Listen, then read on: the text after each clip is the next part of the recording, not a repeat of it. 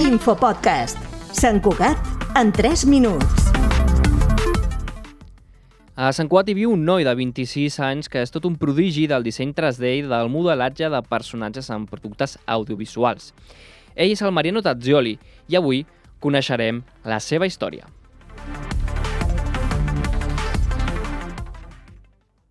La primera vegada que Mariano va tocar un programa de disseny 3D tenia 11 anys i des d'aleshores ha treballat per a grans companyies i projectes internacionals que fins i tot ha rebut premis.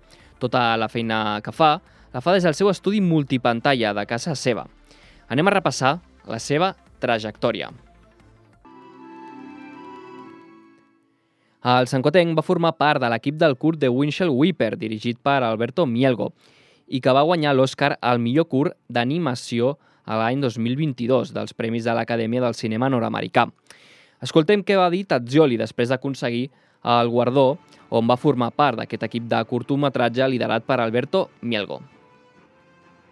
És, va ser el primer projecte que, que, que guanya un Òscar, així m'ha agafat una mica per sorpresa, però és molt gratificant perquè a vegades quan, quan treballes molt de temps en un projecte perds una mica la visió, perquè tu, tu el veus tot, tots els dies el mateix, eh, treballes tot el dia el mateix i perds una mica la visió del que significa, però no, no et dones compte de l'impacte que, que té el que estàs fent.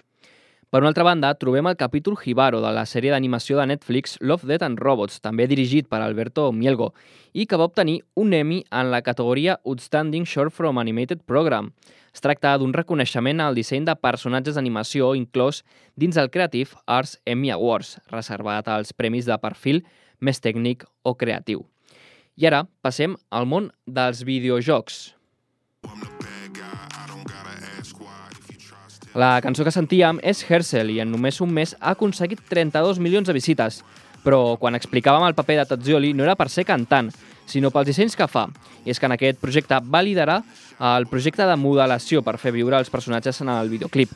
Uns personatges que sorgeixen del videojoc League of Legends i que és un videoclip promocional per a les finals de la competició d'aquest joc online de Riot, que precisament es va poder veure en directe a la final presencial disputada a Corea del Sur ara fa poc més d'un mes.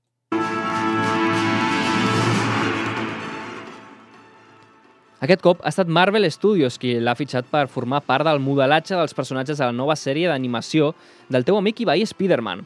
L'any 2021, Tazzioli va, ser, va estar a prop de 8 mesos treballant en el modelatge 3D de diversos personatges, que encara no pot revelar, de la primera temporada de la sèrie Spider-Man Freshman Year, que arribarà el 2 de novembre de l'any 2024 a través de la plataforma Disney+. Plus. Tazzioli ha explicat a Cugat Media la complexitat de fer un modelatge com aquest. Lo que se trataba en la serie esta es de hacer un homenaje a, la, a los cómics de los años 60, cuando, porque Spider-Man se creó en el año 62 y este disco fue el, fue el, el principal dibujante de esa época. Es una, una especie de homenaje a, a ese estilo. Entonces, eh, la serie tiene un estilo cómic, es como un cómic en movimiento. Y entonces nos llegaban los concepts, ¿no? los diseños. Com hem vist, Mariano Tazzioli ja té una àmplia experiència professional amb tan sols 26 anys on ha pogut guanyar diversos premis com l'Oscar i l'Emmy que hem explicat anteriorment o participar en un videojoc tan popular com és el League of Legends o donar vida a un còmic en moviment a la nova sèrie de Spider-Man.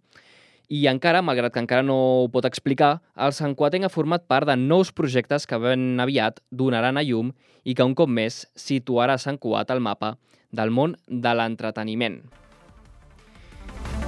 Infopodcast, una coproducció de la xarxa i Ràdio Sant Cuat.